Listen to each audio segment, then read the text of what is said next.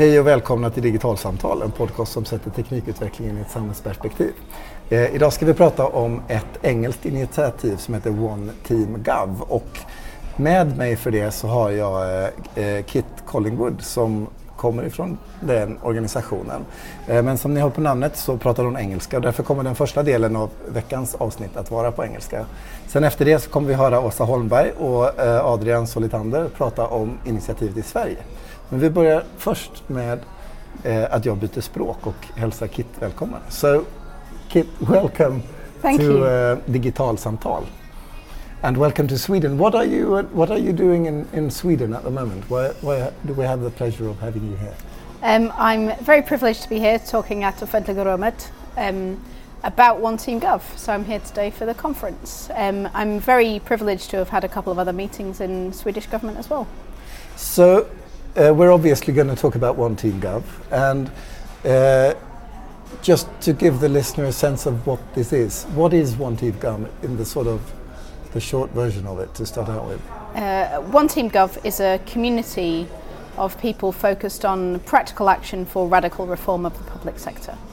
And doing such a community, I envision it must engage quite a number of people and people from various parts of public service coming together to work with these quite complex issues. It does, yeah. Uh, so, what got you engaged in wanting to build up such a community in, in the UK? Well, um, I used to work in policy making in the UK in different parts of UK government, and then I moved to working in digital technology. And in moving uh, between professions, um, I realised that nobody really understood what other professions do around government. We work in these silos, we work in our own departments or in our own professions or in our own communities. And I didn't really perceive any open space for people to collaborate between those different silos that government's working in. So what I had was a very simple idea was to create a space where people could come together despite their professional or personal boundaries and talk about how to make government more effective all together. So going from policy to uh, sort of the digital space, uh, but still working with public issues, what sort of what was that sort of you speak about these silos, but was there sort of a difference in the cultures or Yes. if you would sort of go into explaining the motives Yeah. behind that engagement? That's a really interesting question. The, the culturally, the those two professions were very different. Policy making um, was and is far less open, um, far more focused on creating structure, creating documentation, on advising ministers, in working in quite formal ways.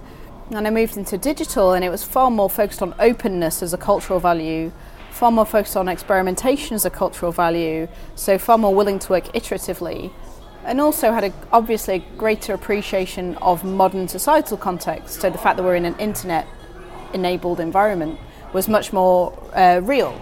But the biggest divide between the two was that um, people in the digital community or the innovation community were far more willing to work closely with real people, with citizens and with service users, whereas policy seemed to always take a step back from those people. And, and uh, sort of uh, in then starting One Team Gov, uh, you build this on a number of principles.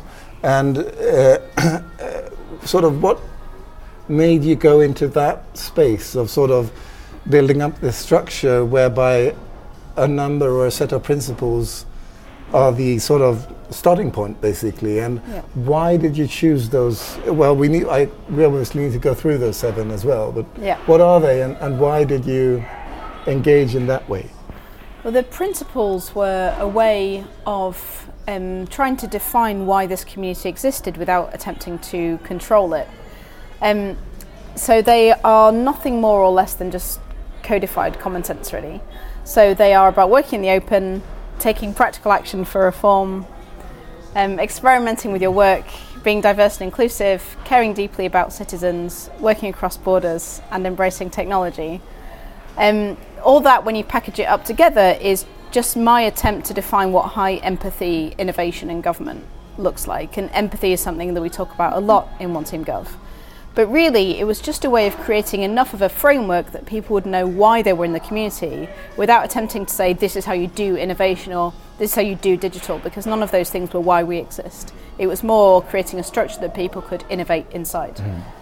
Uh, and if we just sort of jump down into a couple of those, because uh, you say that sort of coming from policy and going into technology, uh, you uh, saw that this sort of uh, the way of working with experiment, uh, experiments and iterations mm. were sort of more prolific in the in the technological mm. part than in the policy part. Yeah. And clearly, by sort of choosing to have such a, uh, a uh, principle, uh, you have the sort of um, standpoint that this is something that sort of should be more uh, prolific all through uh, government structures. Yeah, and I'm not the first person to say that open and iterative policy making are good ideas.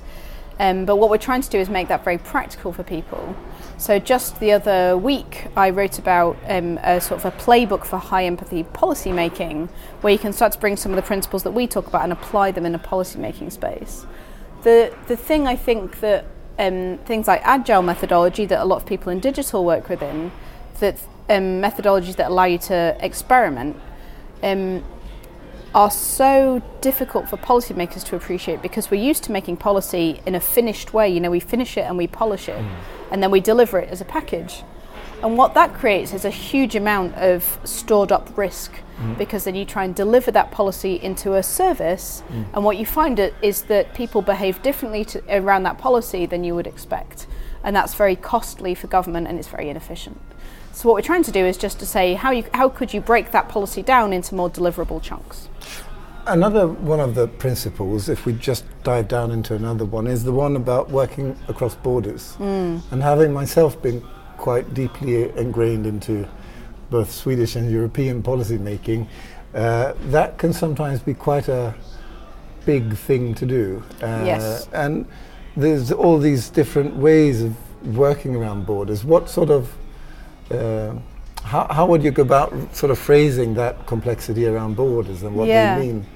Um, I think the simplest way I could express it is rather than thinking about working across borders, thinking about ignoring them. And that's the approach that we're increasingly taking. So if, if those borders didn't exist, how would we behave and try to conceptualize that? And then attempt to, so don't ask permission to work across them, just pretend that they're not there. And if people stop asking permission to collaborate with other teams, what I've found time and time again is nobody actually disagrees with that. Um, the only thing that blocks us from doing that is, is large incentives like funding structures are typically in verticals, and therefore power structures are typically in verticals, and hierarchy is typically in a vertical. But actually, if you ignore all of that and say, um, I can spend my time and therefore my government money, you know, that pays my salary to work across, I've never been stopped in trying to do that. Nobody actually thinks it's a bad idea. And then after that, I think it's just about the application of that in every single way. So, working outside of your team in your department, working outside of your department across your profession, working outside of your profession with other sectors, mm. and then working outside of your sector with service users. Mm. So, eventually, you've got a thin horizontal slice of people you work with that are nothing really to do with how you're funded to work. So, you've built uh, one Team Gov that is sort of a community around these principles, trying to sort of reshape British uh, public sector, basically. Yeah.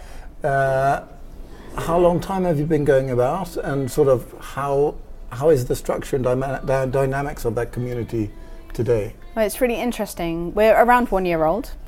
Uh, we had our first event around a year ago, um, and we have experimented with different ways of intervening in government work. So we have um, non-disruptive activities. We have events and meetups, and because they're self-selecting, we don't we're not interrupting how government works. If you want to come and meet meet with us, you can come and meet with us, and we do that um, once a week in five UK cities.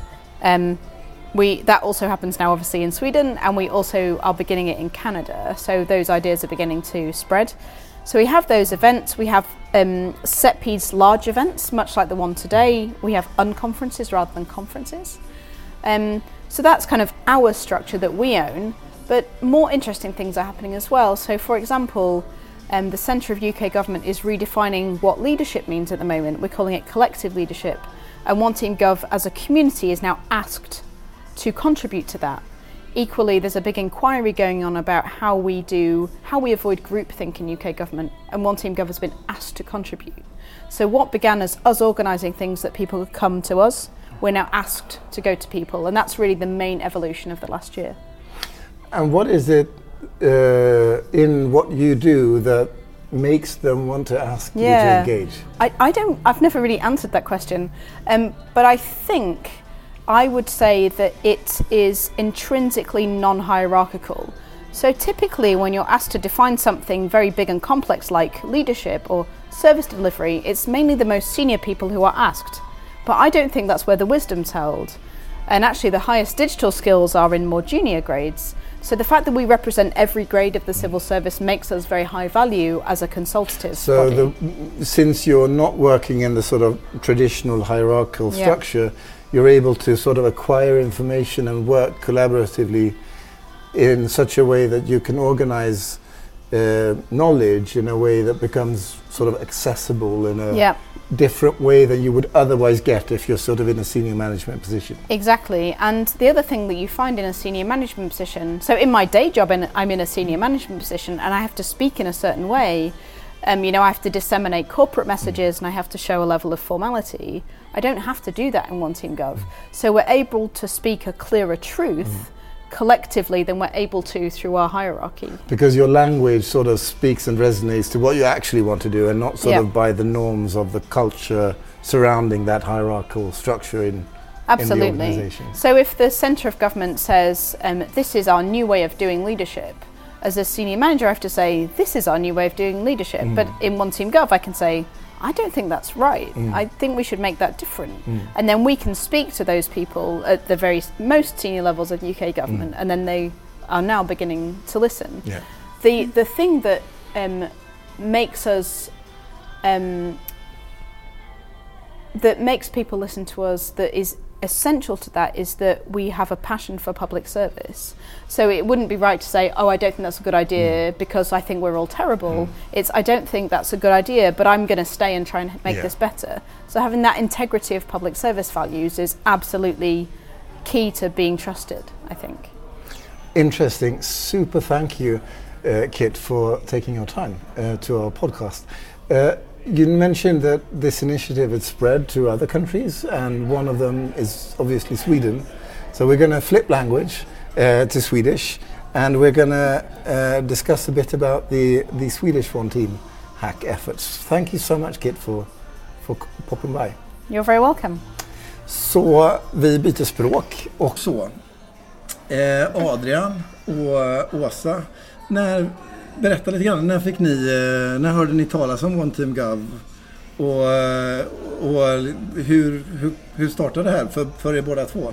Adrian? Ja, för, för min del så eh, var det hösten 2017 startade jag upp någonting som vi kallade för Meetup offentlig innovation på Vinnova för att skapa lite nätverksmöjligheter för folk inom offentlig sektor som jobbar med innovation på något sätt.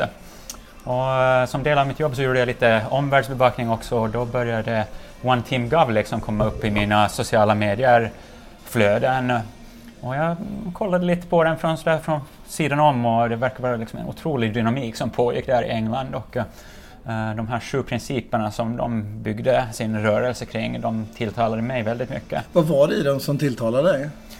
Ja, det var väl liksom enkelheten i dem och framförallt det att de sju principerna de eh, är så enkla och på något sätt nästan universella att oberoende vad man jobbar med i offentlig sektor så potentiellt kan man känna sig igen i de här principerna. Det var lite den tanken som fick mig att eh, gå igång på One Team Gov, att föra samman folk från olika professioner kring de här gemensamma principerna.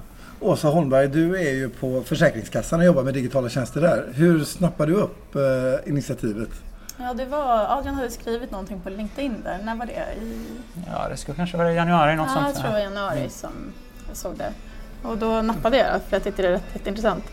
Uh, för jag är väldigt engagerad i det här med samverkan också mellan myndigheter och över gränser överhuvudtaget. Mellan professioner och så. För att det känns som vi ofta sitter på varsin kammare och ska uppfinna samma saker. Och... Kit pratade ju mycket om det här med att eh, liksom i eh, offentlig sektor att liksom, organisationen är ofta uppbyggda i silos mm. eh, och i strukturer. Eh, I Sverige så har vi ju eh, liksom Axel Oxenstiernask eh, myndighetskultur som verkligen är explicit där. Att det är myndigheten och så är det departement, eh, departementet så är det myndigheterna under det. Och de är självstyrande och har sin agenda. Och det leder ju naturligtvis till en ganska så eh, naturlig siloorganisation. Mm. Eh, och som i en liksom, tidigare historia har varit ganska effektiv på många sätt. Men som idag då eh, naturligtvis som en konsekvens av det här ifrågasätts. Vad, liksom, är det, liksom, är det, känner ni igen er i Kits eh, oh, oh, berättelser ja. om liksom, utmaningarna ja, där? verkligen. På vilket sätt gestaltas de? Ja, nej men dels det där som jag sa att man sitter på varsin kammare och eh, budgetmodeller och allting är gjort så att i silos. Liksom. Så att själva budgeten i sig självt att du har en budget och att Adrian har en annan budget i en annan myndighet ja, det, och det är inte samma mål. Ja, men det finns ju ingen så här, tillsammans KPI eller nyckeltal där man kan följa upp typ att om jag samarbetar med flera avdelningar inom min myndighet, om jag samarbetar med flera myndigheter, det kanske är jättebra för skattepengarna. Men du kommer inte mätas på det i din verksamhet. När ni gör bokslut på året så kommer man se vad gjorde eran silo? Exakt. Inte liksom vad blev det sammantaga värdet av helheten? Nej precis och så är det ju exempel inom öppna data till exempel. Det kan ju skapa värde utanför samhället, eller, eller utanför myndigheten menar jag, ute i samhället. Och man kan spara mycket skattepengar på det.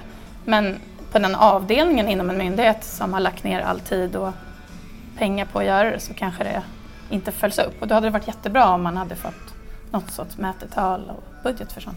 Så ni identifierade KIT och eh, One Team Govs arbete i England. Eh, och de här principerna, de som jag uppfattade de resonerar väl i hur ni också ser svensk förvaltningskultur och förutsättningarna i Sverige?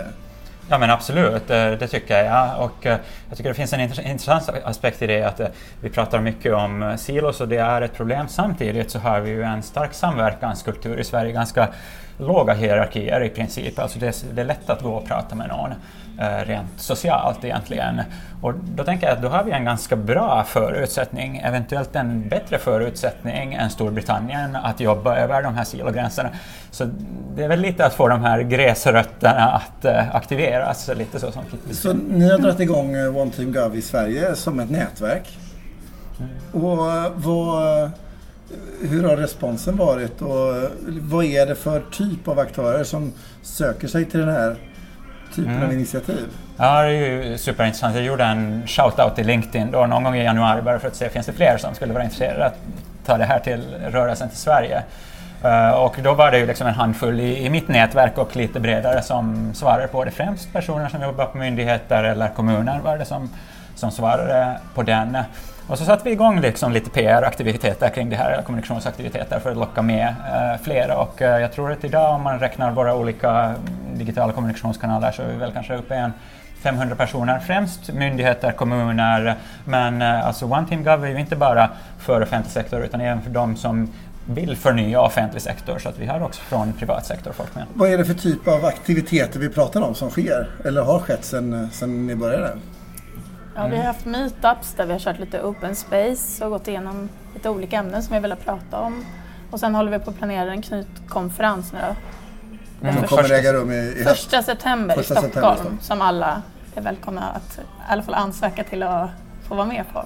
Ja, precis. Så att, ja, det har varit lite informella meetups och uh, både i, de har tagit plats i Göteborg, Helsingborg och uh, i Stockholm. Så att vi har redan en god spridning. Vad är det som gör att uh, andra söker sig till ett sånt här initiativ? Ja, det är, det är en bra fråga. Det kan väl kanske bara de andra svara på, men jag tänker som så att det är kanske ändå principerna som liksom kommunikativt är det som mm. får folk att fästa uppmärksamhet på One Team Gov. De här sju eh, principerna, att arbeta öppet och positivt, att göra saker i praktiken, experimentera och iterera, bejaka mångfald och vara inkluderande, att i hjärtat bry sig om medborgarna, använda gränsöverskridande och välkomna teknikens möjligheter.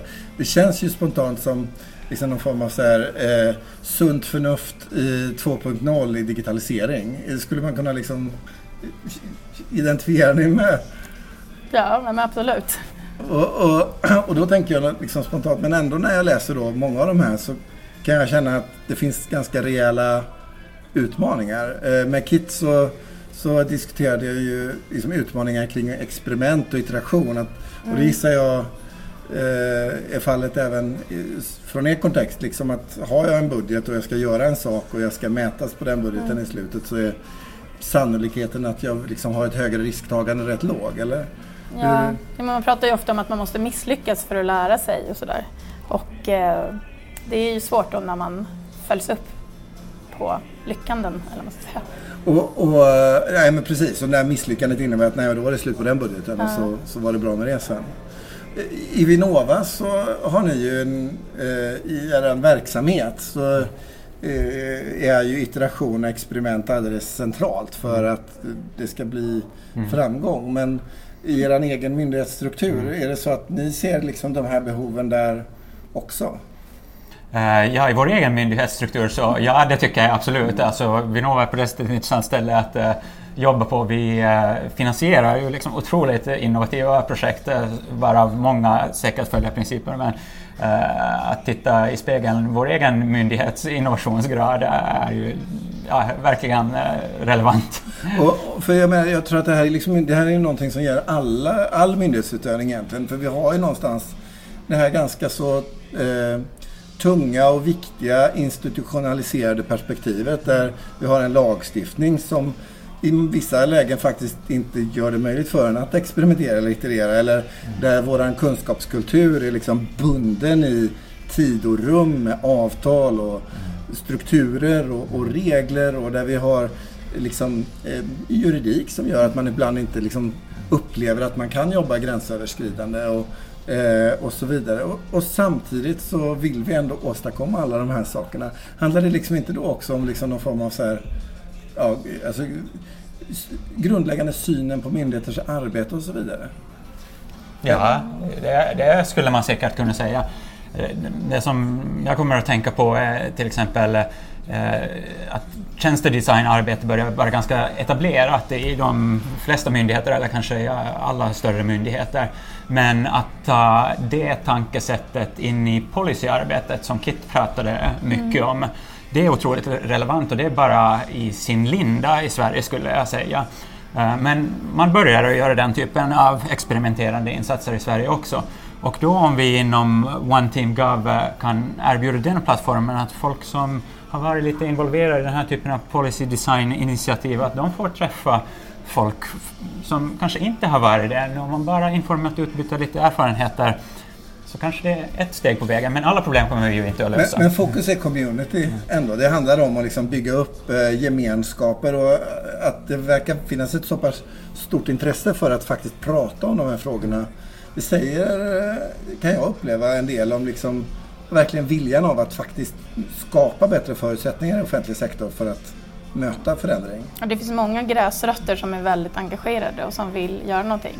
Och eh, jag tror det händer saker när man sätter alla i samma rum. Mm. Om man sätter de, de beslutsfattarna mm. eller policymakers som du sa, mm. och eh, användarna och vi som jobbar inom staten och, ja. och kommuner och så i samma rum och tillsammans kan försöka lösa problem så tror jag att det går mycket fortare.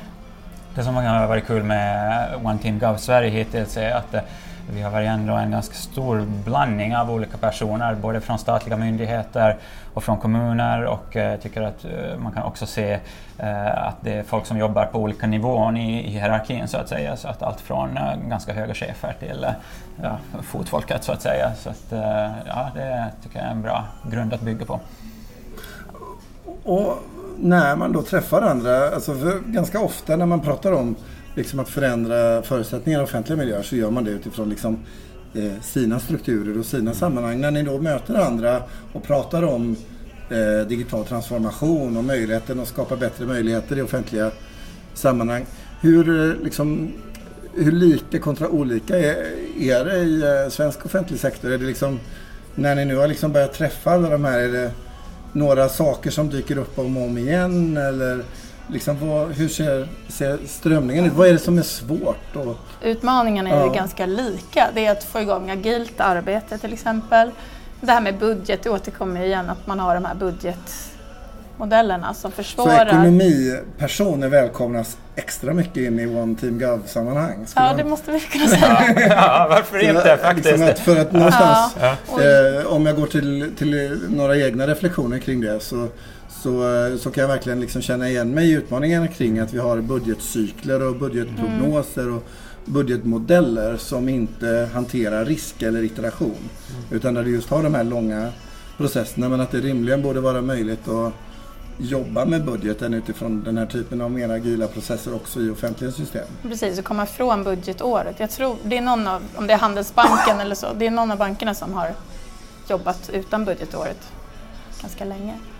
Och titta på sådana saker. Och då om vi sätter varandra som sagt i samma rum så kanske ja, man kan förstå. För när man tar fram digitala tjänster då är det ju ofta de här eh, policyn och det som, gör, det som ligger bakom som gör att man inte kan ta fram riktigt användbara tjänster. För det, det ligger gamla antaganden om 40 timmars arbetsvecka, om att man arbetar på samma plats. Man kan vara digital nomad och vara platsoberoende. Eh, och det är mycket saker. Och tjänsterna kan ju inte, hur bra digitala tjänster man än gör och utvecklar så kanske det som ligger bakom kan man inte ändra på. Så. Jag, jag minns eh, för många år sedan när jag jobbade i eh, en regional offentlig miljö så eh, utredde vi och tittade på möjligheten att skapa nya typer av mer dynamiska kommunalförbundsmodeller. Och eh, en av de sakerna som var så svårt för att bygga gemensamma eh, föreningar mellan kommuner var, som var helt digitala.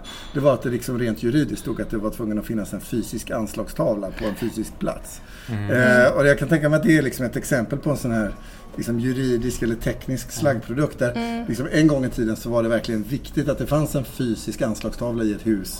Så att medborgaren hade liksom en trygghet i att möta det. Men helt plötsligt med digitaliseringen så blir samma sak som tidigare var en fördel. Det blir liksom en barlast på något sätt. Och, och att det kan finnas ganska mycket som man kan uppdaga liksom. Och som många av de som faktiskt är gräsrötter är det, som, det är de som ofta jobbar och möter de här liksom små friktionerna i sin, i sin myndighetsvardag. Och det är sådana antaganden som man måste ifrågasätta tillsammans. För ibland, ibland vet man ju inte om vissa saker som någon säger att det här har juridik sagt nej till. Så vet man aldrig om det är så eller om det bara är någon sorts Okej, det har urban bara gått i organisationen Ja, men under det lång kan tid. Vi har aldrig eller- gjort så här för... Eller får vi ha vilande kod till exempel och sådana här saker eller inte. Och, ja. Och då kan det ju vara ganska Man skönt att eh, ifrågasätta de här antagandena i en sån miljö som One Team Gov, att det inte är inom myndighetsstrukturen som sådan inte, Mm. utan att det är en Så man mer kan liksom, neutral miljö. en friare plats och liksom provtänka hur Ja, någonting skulle kunna faktiskt. Ja. vara lite annorlunda. Och vi kommer ju som privatpersoner till de här eventen och de ligger ju ofta utanför arbetstid. Så vi kommer in med all kunskap men det är ju ändå som privatperson vi vill förändra det. Ni har ett knytkalas första september i Stockholm. Vad har ni för förväntningar på ett sådant arrangemang? Ja, det, är, det, är att det, det blir en större lansering av One Team Gov i Sverige. Vi har liksom kommit igång bra här på våren men det här blir liksom verkligen, nu går vi framåt och liksom hoppas att eh, kunna involvera flera från olika håll som kan eh, identifiera sig med de här principerna.